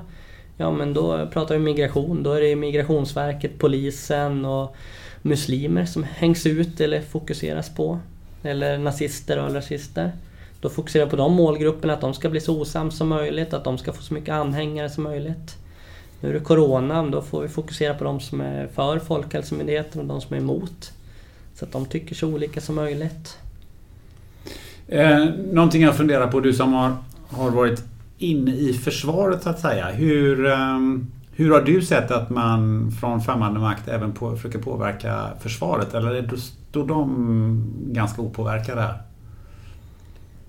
Både och. Eh, försvarsmaktsanställda återigen, det är människor. Eh, sen jobbar man ju aktivt inom försvaret med att, att försöka förstå att, att du som nyanställd soldat med ingen erfarenhet, du kanske inte hanterar några hemliga uppgifter överhuvudtaget. Du kan fortsatt vara intressant för att du kanske kan dela information eh, på Instagram var och när du övar och den där hemliga antennen får synas i bild eller inte. Och man kan påverka grupper liksom. Kan du tycka att, att Försvarsmakten är en dålig arbetsgivare, desto bättre. Man exploaterar. Om det till exempel är en försvarsmaktsanställd som begår något brott eller misstänks för ett brott så kanske man vill exploatera det så mycket som möjligt emot försvarsmaktsanställda för att man ska minska förtroendet för arbetsgivaren. Eller man vill minska förtroendet i samhället för att Försvarsmakten gör ett bra jobb. Ju fler som tycker att vi inte behöver något militärförsvar desto bättre för, för länder som, som inte vill att vi ska ha liksom ett starkt försvar till exempel. Sen tyvärr så hängs ju enskilda försvarsmaktsanställda ut, liksom andra myndighetshandläggare. Det är ju väldigt besvärande och häromdagen kunde vi läsa i Dagens Nyheter hur försvarsmaktsanställd personal som tjänstgjort i östra Ukraina, liksom eh, i jag vet inte vilken aktör de var där med. OSSE eller FN eller vad det nu må vara. Liksom där det framställs som att enskilda individer har mördat barn i östra Ukraina. Och de liksom som individer utmålas som att vara barnamördare och det hängs ut i, i ryskspråkiga kanaler. Det är ju hemskt. Så det är alltså en, man har direkt, eh, det är ett direkt angrepp på... Ja, mot enskilda individer. Som man sen publicerar ja. i rysk eh, media då? Ja, ofta mot... ryskspråket i det där fallet till exempel. Och Försvarsmakten var ju otroligt uthängd i, i många kanaler i samband med underrättelseoperationen i Stockholms skärgård för några år sedan. Och man misstänkte att det var eh, främmande makts underrättelseinhämtning som hade gjort någonting.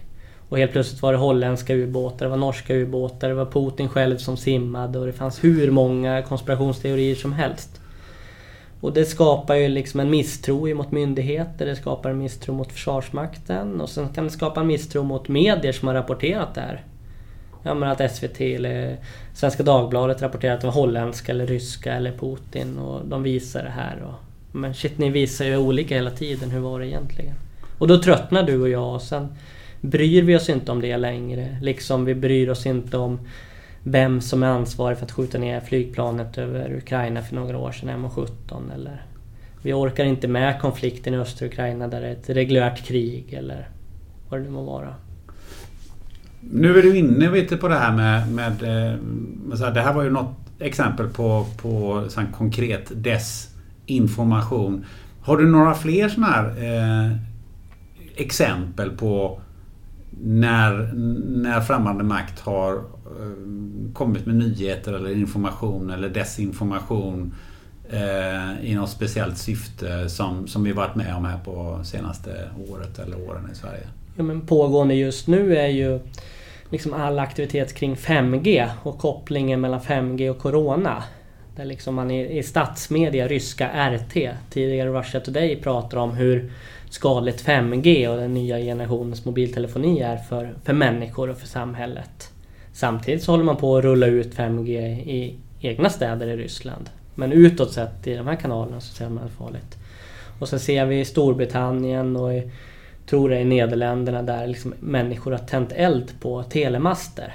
För att man är skeptiska emot eh, 5G eller att man tror att man blir mer eh, man har fått försämrat immunförsvar och blir mottaglig för covid-19 på grund av 5G.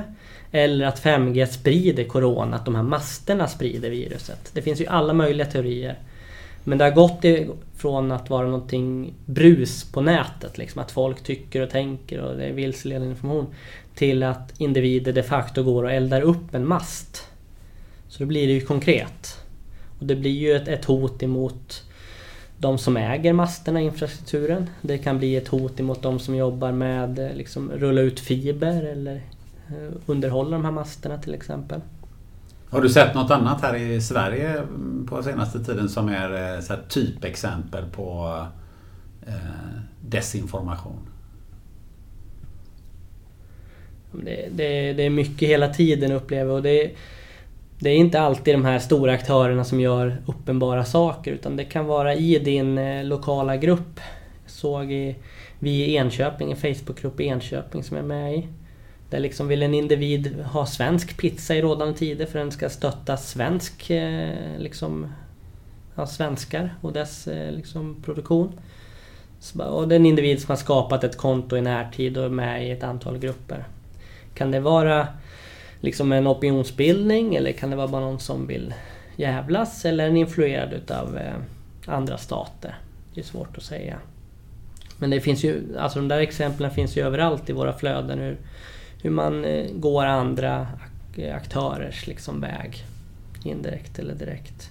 Jag tänker på en annan eh, grej. Det är, det är ju rätt många influencers eh, som har fått ett mycket gratisresor mm. under de senaste åren. Och det är inte direkt Ryssland i och för sig. Men där har ju till exempel eh, eh sådana länder som Förenade Arabemiraten och, och Dubai och de här. Där har det funnits väldigt mycket gratisresor dit. Kan, kan det också vara en typ av Eh, man ska säga, påverkan? Ja, man pratar ju om soft power till exempel, mjukmakt. Och eh, ja, men Förenade Arabemiraten, det är, väl, det är ett land där människorna som bor där vill väl. Men de har inte samma mänskliga fri och rättigheter som vi har. De har inte samma grundlag. Och det finns mycket som utifrån ett svenskt perspektiv ifrågasätter, eller mitt personliga i vart fall. Och då eh, som influencer eller en aktör som har stort inflytande över olika målgrupper. Ska man tacka ja till en sån resa eller inte? Liksom att, att åka till ett, ett land som inte alls har samma politik och regler för jämställdhet till exempel. Eller HBTQ och andra rättigheter som vi ser som naturliga i Sverige. Jag kom faktiskt på att jag har sett influencerresor även till Ryssland. Jag vet inte vilken om det var till Svarta havet eller det var någonstans där, det, där man tog bilder som var mm. vinklade så kändes det som att man var på, på Maldiverna. Fast jo, man egentligen verkligen. var på en sån saltstrand i närheten av en industri eller någonting Och det är, ju, det är ju superintressant. För till exempel Kina som stat via ombud eller kinesiska bolag äger ju mycket infrastruktur i Sverige och Europa. Och Oatlys VD till exempel får ju gång på gång försvara sig men vi, vi har kinesiska ägare till del. Liksom, hur ser vi på det? Volvo ägs utav kinesiska staten. Hur, hur gör man den här eh, skillnaden mellan att vara ett svenskt bolag eller ett kinesiskt bolag? Hur ser man på eh, mänskliga fri och rättigheter? Det är ju superbra att andra länder investerar i Sverige och det gynnar svensk ekonomi och produktion men Samtidigt så är det ju verkligen jättemycket nu runt etik och moral och vilket samhälle vill vi leva i? Är vi lite blåögda när det gäller just när det gäller kineserna? Jag tänker på att de äger ju oerhört mycket av svensk, eh, som du säger, infrastruktur.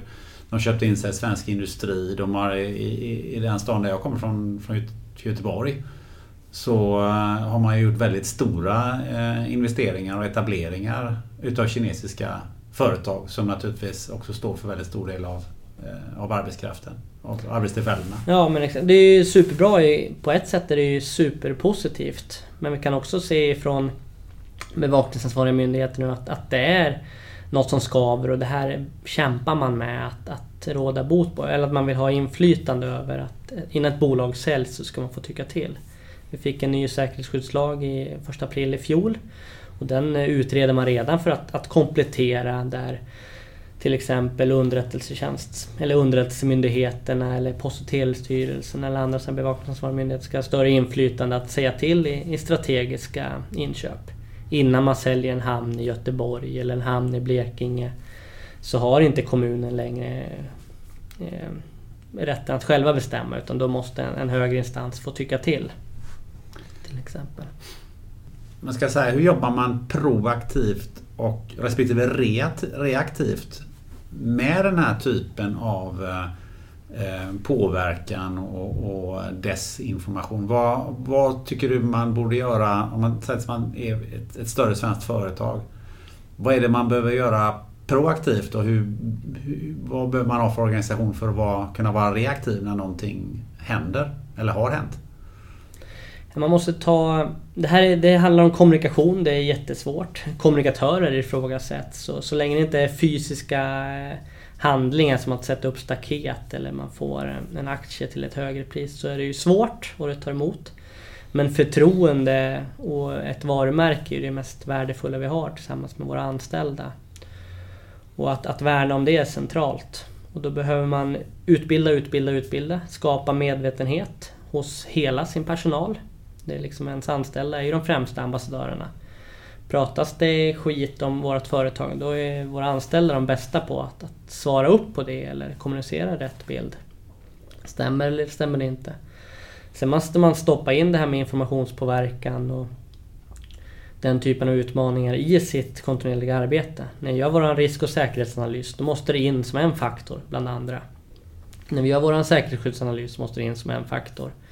När vi jobbar med kontinuitetshantering så måste det in om vi vet att om den här leveransen inte kommer ifrån distributör A, då måste vi ha en reservplan.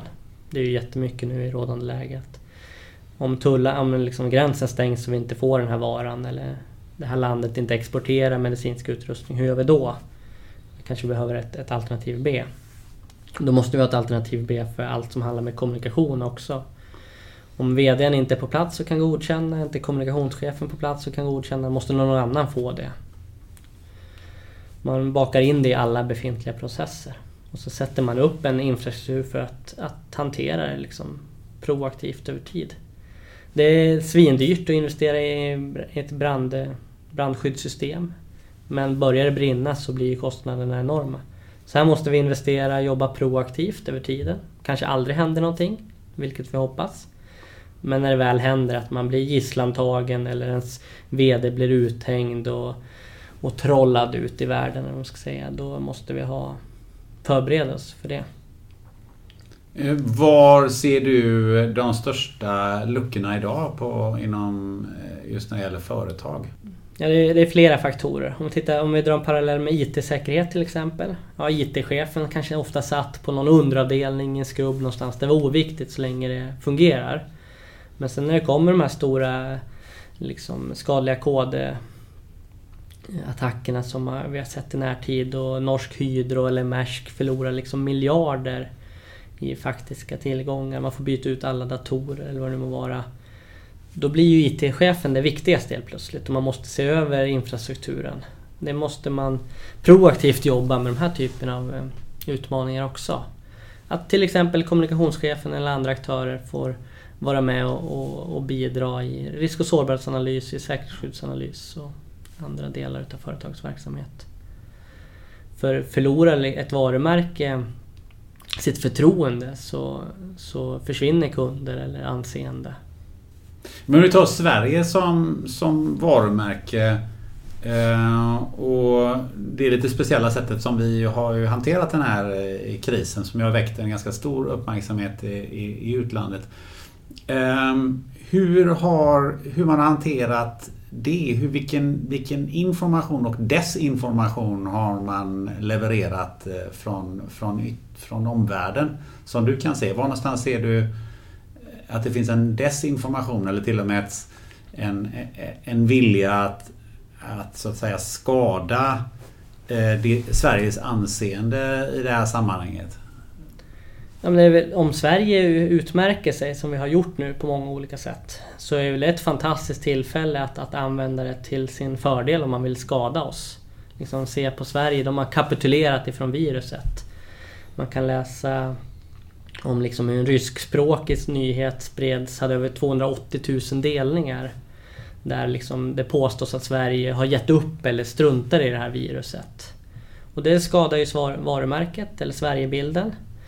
Och på lång sikt kanske det eh, försvagar liksom eh, import eller export. Eh, man, man ser att, att Sverige skiter i Corona eller Sverige kan inte hantera lag och ordning. Det är osäkert i Sverige. Då kanske man inte vill importera eller exportera ifrån Sverige. Så förtroendet för, för landet och Sverigebilden i stort påverkar, tror jag, i slutändan små företag kan det göra i import och exportfrågor. Det har ju förekommit eh, lite rapporter om eh, att eh, vi har fått eh, lyxturism eh, till Sverige. Att eh, man kommer till Sverige för att eh, det är här man kan gå och, eh, till frisören eller att man har betalat mycket, mycket pengar för att komma till Sverige för att, för att göra någonting som man inte kan göra i sitt eget nedstängda land om man har riktigt gott om pengar. Är det, är det typ en sån nyhet? För den har ju fått ganska stor spridning egentligen en väldigt liten sak ja, i sig. Ja, det kan ju ja, en liten grej. Det kanske är ett fåtal individer som kommer hit. Men om det fångas upp utav en aktör som, som vill förstöra för oss så ser de till att, att vinkla det där och sprida det så att så många som möjligt får koll på det. Och gärna de som ifrån början är lite misstänkta, misstänksamma eller lite skeptiska och sen sprida det vidare. Så givetvis. Vi har varit inne på det i, i början här att eh, du sa någonting i den bisats att eh, ja, men det kan ju vara så här att det kan vara en dator som ringer upp dig um, och du kan tro att det är din chef som, som ringer. Um, vad, vad är det för någonting? Man pratar om deepfakes som är en, en sammanslagning av deep learning, då, djuplärning och, och fake. Liksom påhittat, fabricerat man använder de tekniker som kommer liksom. Alla har ju suttit kanske i Photoshop eller i Paint och retuscherat en bild men nu kan man ju med, med digitala verktyg göra väldigt sofistikerade saker. Från att för några år sedan var man tvungen att göra, vara liksom en dataingenjör och, och sitta i timmar och ha timtals med video, videomaterial för att skapa en, en, en falsk video till att nu kan man ladda ner en applikation och, och ganska snabbt få dig att, att säga någonting som du inte har sagt. Det är nu eh, genom det som medvetenheten ökar än mer. Man kan se president Obama säga en sak eller man kan se en kändis säga någonting annat. Då blir det mer och mer konkret. Och apropå det här VD-bedrägeriet där en VD, eller fel, en anställd blev uppringd utav sin chef och transfererade ett antal miljoner. Då blir det ju ett konkret hot då är det inte längre brus utan Tänk om din ekonomichef på ditt företag liksom för över ett antal miljoner eller tusenlappar. Så ett bedrägeri, det är ju tufft. Har det förekommit? Ja, det var ju det kanske Det påstods ju att det var det första AI-VD-bedrägeriet i höstas. Liksom många miljoner kronor som fördes över. Man trodde att man pratade med chefen men det var en, en dator. Hur värjer man sig mot eh, sånt här? Ja, att andas, ta ett glas vatten, tänka till och inte dela artikeln direkt eller föra över de här pengarna utan utan bara lägga på, kan jag ringa upp om fem minuter och sen motringer man till exempel. Små verktyg men som är jätte... Som vi inte gör. Kan ju vara det första. Man jobbar med tvåvägsautentifiering i sina sociala medier. Man har inte samma lösenord och alla lösenord är länkade till ett Facebook-konto. Det kanske är ett vad är det för någonting? Tvåfaktorsautentisering? Ja, istället för att jag skriver in mitt lösenord i, i mailen. Jag kommer in på min e-postadress, jag skriver mitt lösenord och loggar in. Så kanske jag måste bekräfta med min mobiltelefon. Slå in en kod som jag får till mobiltelefon.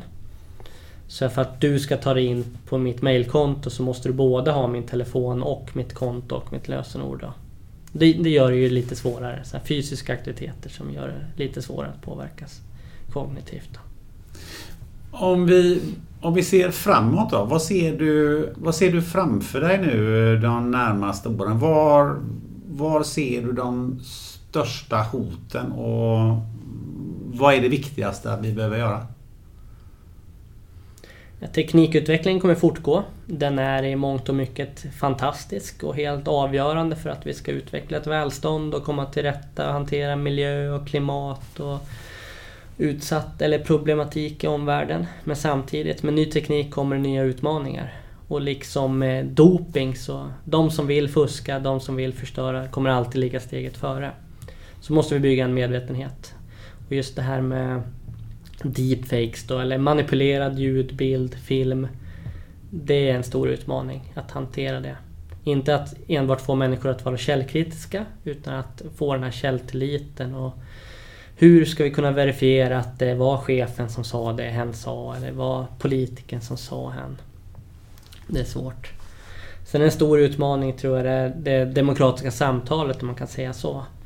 Vi kan se hur både inhemska och utländska aktörer försöker påverka narrativen i Sverige. Hur vi pratar om saker, vilka verklighetsbilder vi tror på. Och att åsiktskorridoren hela tiden flyttas lite grann. Det, som, det var inte okej okay att driva om feminism på det här sättet för ett år sedan. Att det kanske är lite okej okay idag och sen om ett par år så är det helt legitimt. Att man driver med feminism eller jämställdhet eller eh, antisemitism eller vad det nu må vara. Att den här åsiktskorridoren flyttas lite grann till, till det sämre enligt mig. Då. Det tror jag är en stor utmaning. Och vad är, det, vad är det allra viktigaste som vi ska göra åt det här? Jag tänker på just den generationen som, som växer upp idag. Vad, vad har skolan för roll eh, i det här sammanhanget? Ja, skolan eh, har ju en viktig roll såklart för att där är ju människor obligatoriskt ett antal år. Det finns jättemycket verktyg från Statens medieråd, från andra myndigheter och eh, ideella organisationer som förser skolan med material. Så det gäller att skolan tar till sig det här materialet och använder det. Men det gäller också att, att vi tar hand om de grupper i samhället som inte får det här genom till exempel skolan. Ehm, till exempel eh, medelålders män och kvinnor. De har inte fått samma mängd källkritik eller undervisning i källkritik i skolan. Särskilt inte i digital källkritik och digitala verktyg. Hur, hur omhändertar vi de individerna? Det kommer nya verktyg men hur ser jag till att, att min morfar eller min mamma liksom förstår alla verktyg i Facebook till exempel. Det finns eh, behovsgrupper som kanske inte följer public service eller läser Dagens Nyheter utan har, har andra informationsvägar. Hur ser vi till att, att de nås utav myndighetsinformation och korrekt information? Hur stor eh, roll tror du eh, ehm, det kommer att spela eh, ur ett eh, socioekonomiskt perspektiv? Alltså spänningen mellan eh, människor som, som både har tillgång till, till utbildning och ekonomi och människor som, som finns i, i delar av samhället som, som varken har det ena eller det andra?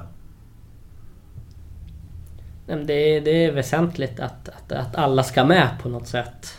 Och det jag vill väl tro att man, om man är utsatt på ett sätt så löper man större risk att bli utsatt på andra sätt också. Om jag står där utan jobb eller har en massa problem och utmaningar runt omkring mig. Då kanske jag blir lite mer benägen att, att tacka ja till att, att få pengar för att dela någonting eller tycka någonting. Om jag redan är förbannad eller ledsen eller min eh, mamma gått bort i covid-19. Då är det kanske lite lättare att jag provoceras till att, att tycka att myndigheterna gör fel till exempel. Eller att, att Sverige som land är dåligt. Eller att muslimer är orsaken till allt ont eller vad det nu må vara. Du, vi ska avrunda här eh, alldeles strax. Tycker du att vi har berört det här ämnet eh, så, så långt eller känner du att det är någon, någon del som vi eh, borde ha eh, fått med som vi inte har fått med? Jag brukar säga så här eftersom jag föreläser och utbildar mycket att eh, nu har ni hört min subjektiva sanning. Och att jag tänker... Jag ser mig själv som en, en anslagstavla för de verktyg som finns ifrån både myndigheter och andra organisationer. Till exempel Internetstiftelsen gör fantastiskt mycket bra. Till exempel internetkunskap.se. Och att du ska inte tro eller ta det som sant, allt jag säger, utan nu ska du gå hem och, och snacka med din sambo eller med din kollega. Du ska kolla upp de källor jag har droppat här och jämföra dem med andra. Och sen ska du se till att lära dig mer. För en timme i den här podden ger inte dig hela sanningen utan det här är utmaningar som, som kräver din uppmärksamhet och din vetgirighet. Så eh, liksom ta chansen och, och lär dig mer och var nyfiken. Vilket för mig ner till eh, det jag tänkte avsluta eller få ihop det här. Det är ju att se om vi kan få dig att eh, ge oss fem handfasta tips på hur man skyddar sig personligen och även sin, sin omgivning från den här desinformationen desinformation eller informationspåverkan som, som vi utsätts för idag och som vi kommer att gissningsvis utsättas för i än större utsträckning eh, framöver här. Ehm, vad bör vi tänka på innan vi sprider en text eh, som vi har läst på sociala medier? Vad, vad, vad, vilka handfasta tips skulle du vilja skicka med eh, de som lyssnar på det här? Ja, nummer ett då, att det demokratiska samtalet är, eh, är grunden för vårt samhälle. Vi ska tycka saker, det ska finnas många åsikter, vi ska kunna ifrågasätta. Men innan du tycker någonting, delar någonting, Eh, uttrycker dig. Så ta ett djupt andetag. Kanske drick ett glas vatten. Tänk till. Sen kan du dela eller tycka. Eller så, så ringer du och snackar med en kollega eller pratar med din sambo. Vad tycker du om det här? Och kolla upp det lite grann. Sen kan du dela. Och dela det du tycker men, men ta ett andetag först och, och tänk att du är med i en podcast eller att du ska kunna stå till svars för dina åsikter i, i Agenda på söndag. Eh, lär dig verktyg för att vara källkritisk. Ja, källkritik det kan väl alla och jag fattar väl och jag... Ja. Nej, jag själv som individ som är expert på området. Jag är dålig. Jag eh, bildsöker inte. Jag kollar inte upp citat. Jag ser inte vilka hemsidor som ligger på samma adress, samma server. Liksom, se till att lära dig några av de här verktygen som finns. Gå in på internetkunskap.se och lär dig lite mer om hur du kollar upp vad information kommer ifrån. Eh, nummer tre. Värna om det demokratiska samtalet. Det är du och jag som bestämmer vilken miljö, vilket land vi vill leva i. Eh, det är vi som eh, liksom står bakom demokratin, våra grundlagar. Vad vill vi liksom Tänk till på det och, värna om det demokratiska samtalet. I, i rådande tider, liksom, ta hand om, om dig och din familj. Ta hand om dina kollegor. Berätta att ja, men det, det förekommer mycket vilseledande information. Mycket beror på att, att människor vill väl men de kanske är lite för snabba. Man råkar dela någonting, man råkar tycka någonting. Men det finns också aktörer som aktivt vill förstöra för oss. Så Sprid kunskapen om att, att det förekommer mycket vilseledande och direkt felaktig information. Och sprid liksom att det finns verktyg för att använda dem. Och nummer fem då, om jag har rätt. Liksom spela spelet Bad News eller Troll Factory. Det finns ett spel som heter Bad News. Getbadnews.com tror jag. Samarbete mellan Uppsala universitet och Oxford tror jag. Man, man spelar en trollfabrik i 10 minuter. Superkul att elda på konspirationsteorier och få så många följare som möjligt. Och då, då lär man sig lite grann. Om inte annat så får man en, en poäng man kan jämföra med, med sin familj och sina vänner. Grymt bra tips måste jag säga. Det var ju mängder med grejer som jag inte hade hört talas om överhuvudtaget. Finns det några fler eh, webbsidor som du tycker man ska besöka? Eller finns det webbsidor som man kan eh, kolla upp saker och ting eh, emot. Om man, om man läser och man märker att det här är någonting som plötsligt börjar spridas en, en viss nyhet på flera ställen. Finns det någonstans där man kan kolla upp och säga så att mm, den här sidan kan jag luta mig mot lite grann. Eller finns det några sådana vad ska man säga, generella eh, sajter? Eller finns ja, det några generella eh, Eh, finns det nyhetssajter som man alltid ska kolla upp mot? Eller vad, vad tycker du? Eh, nationellt i Sverige så tycker jag att nystartande Källkritikbyrån är superbra. Det är flera av dem som låg bakom viralgranskaren på tidningen Metro som nu har startat Källkritikbyrån. De gör ett, ett fantastiskt arbete. Så där kan man gå in och, och kolla vad de har granskat eller kollat och man kan säkert ställa frågor till dem också. Internetkunskap.se är ju en superbra hemsida. Det är verkligen internet för dummies. Lär dig om deepfakes eller källtillit eller men hur funkar internet egentligen? Så här, korta texter, korta filmklipp. Där kan man börja. Vill man förkovra sig så är ju till exempel Bellingcat det är en eh, brittisk tankesmedja. Det är liksom detektiverna på nätet. Där kan man lära sig att ta reda på hur det ligger till egentligen. Men genom eh, öppen källinhämtning. Hur kan jag hitta öppen information på internet för att ta reda på hur det ligger till egentligen? De har listor med hur mycket verktyg som helst och de har grävande reportage själva. Grymt bra eh, avslutning eh, på det här. Hur tycker du att det har varit att sitta här och, och köta med mig? Ja men väldigt intressant. Tusen tack. Och jag brukar säga så här i rådande tider, jag har lärt mig så vansinnigt mycket. Jag har lärt mig om hur många som dör i Sverige varje år. Jag har lärt mig om smittspridning. Jag har lärt mig om Sverigebilden. Och för varje dag som går så förstår jag shit vad lite jag kan. Och liksom hur många yrken finns det inte där och hur mycket expertis finns det inte runt omkring. Och att nu själv liksom få svara upp på, på dina frågor till mitt expertområde och känna att ja, det där kan jag det här eller vad, hur, hur ligger det till och vad tycker jag egentligen eller vad vet jag? Det är ju superintressant. Om eh, du skulle få välja vem jag skulle intervjua i den här podden, eh, vem skulle det vara? Jag skulle rekommendera en, en eh, bekant som heter Kristina Bengtsson. Tidigare försvarsmaktsanställd och militär världsmästare i precisionsskytte. Nu så jobbar hon med att stötta chefer och privatpersoner i att, att hålla fokus. Liksom precisionen av att förstå vad fokus är och hur man kan fokusera på sin uppgift. Så oavsett om hon dyker upp i den här podden eller inte så kolla in hennes TED-talk eller läs mer om henne. Jätteintressant. Vad jobbar hon idag?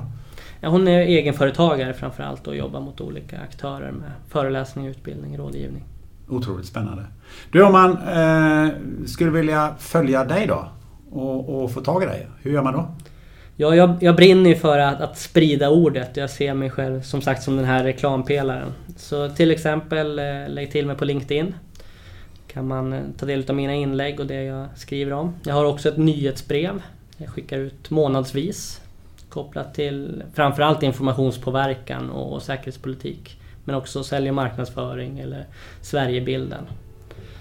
Man kan läsa några av de här nyhetsbreven på LinkedIn eller så kan man skriva till min, eh, min e-postadress. Då. Som är? Antonliv. Anton.lif at combitech.se Anton Liv.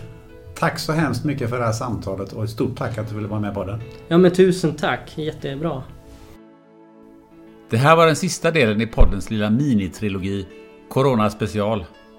Jag hoppas att du har fått lite nya perspektiv, insyn och tankar i delar av det vi upplever i denna rätt galna tid. I nästa avsnitt så ska vi titta djupt ner i havet och så långt upp i bergen vi kan. Då får du träffa en riktig äventyrare, nämligen Anneli Pompe. Hon ska ta oss med till fantastiska platser men också ge en hel del insikter om hur du kan använda hennes erfarenheter i din vardag.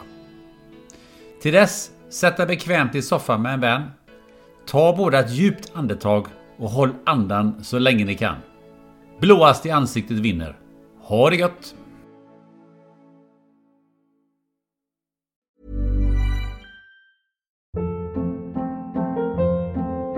Hold up. What was that? Boring. No flavor. That was as bad as those leftovers you ate all week. Kiki Palmer here, and it's time to say hello to something fresh and guilt-free. Hello Fresh. Jazz up dinner with pecan-crusted chicken or garlic butter shrimp scampi. Now that's music to my mouth. Hello Fresh. Let's get this dinner party started. Discover all the delicious possibilities at hellofresh.com. Hey, it's Paige DeSorbo from Giggly Squad. High quality fashion without the price tag. Say hello to Quince. I'm snagging high-end essentials like cozy cashmere sweaters, sleek leather jackets, fine jewelry, and so much more. With Quince being 50 to 80% less than similar brands. And they partner with factories that prioritize safe, ethical, and responsible manufacturing. I love that. Luxury quality within reach. Go to quince.com slash style to get free shipping and 365 day returns on your next order. Quince.com slash style.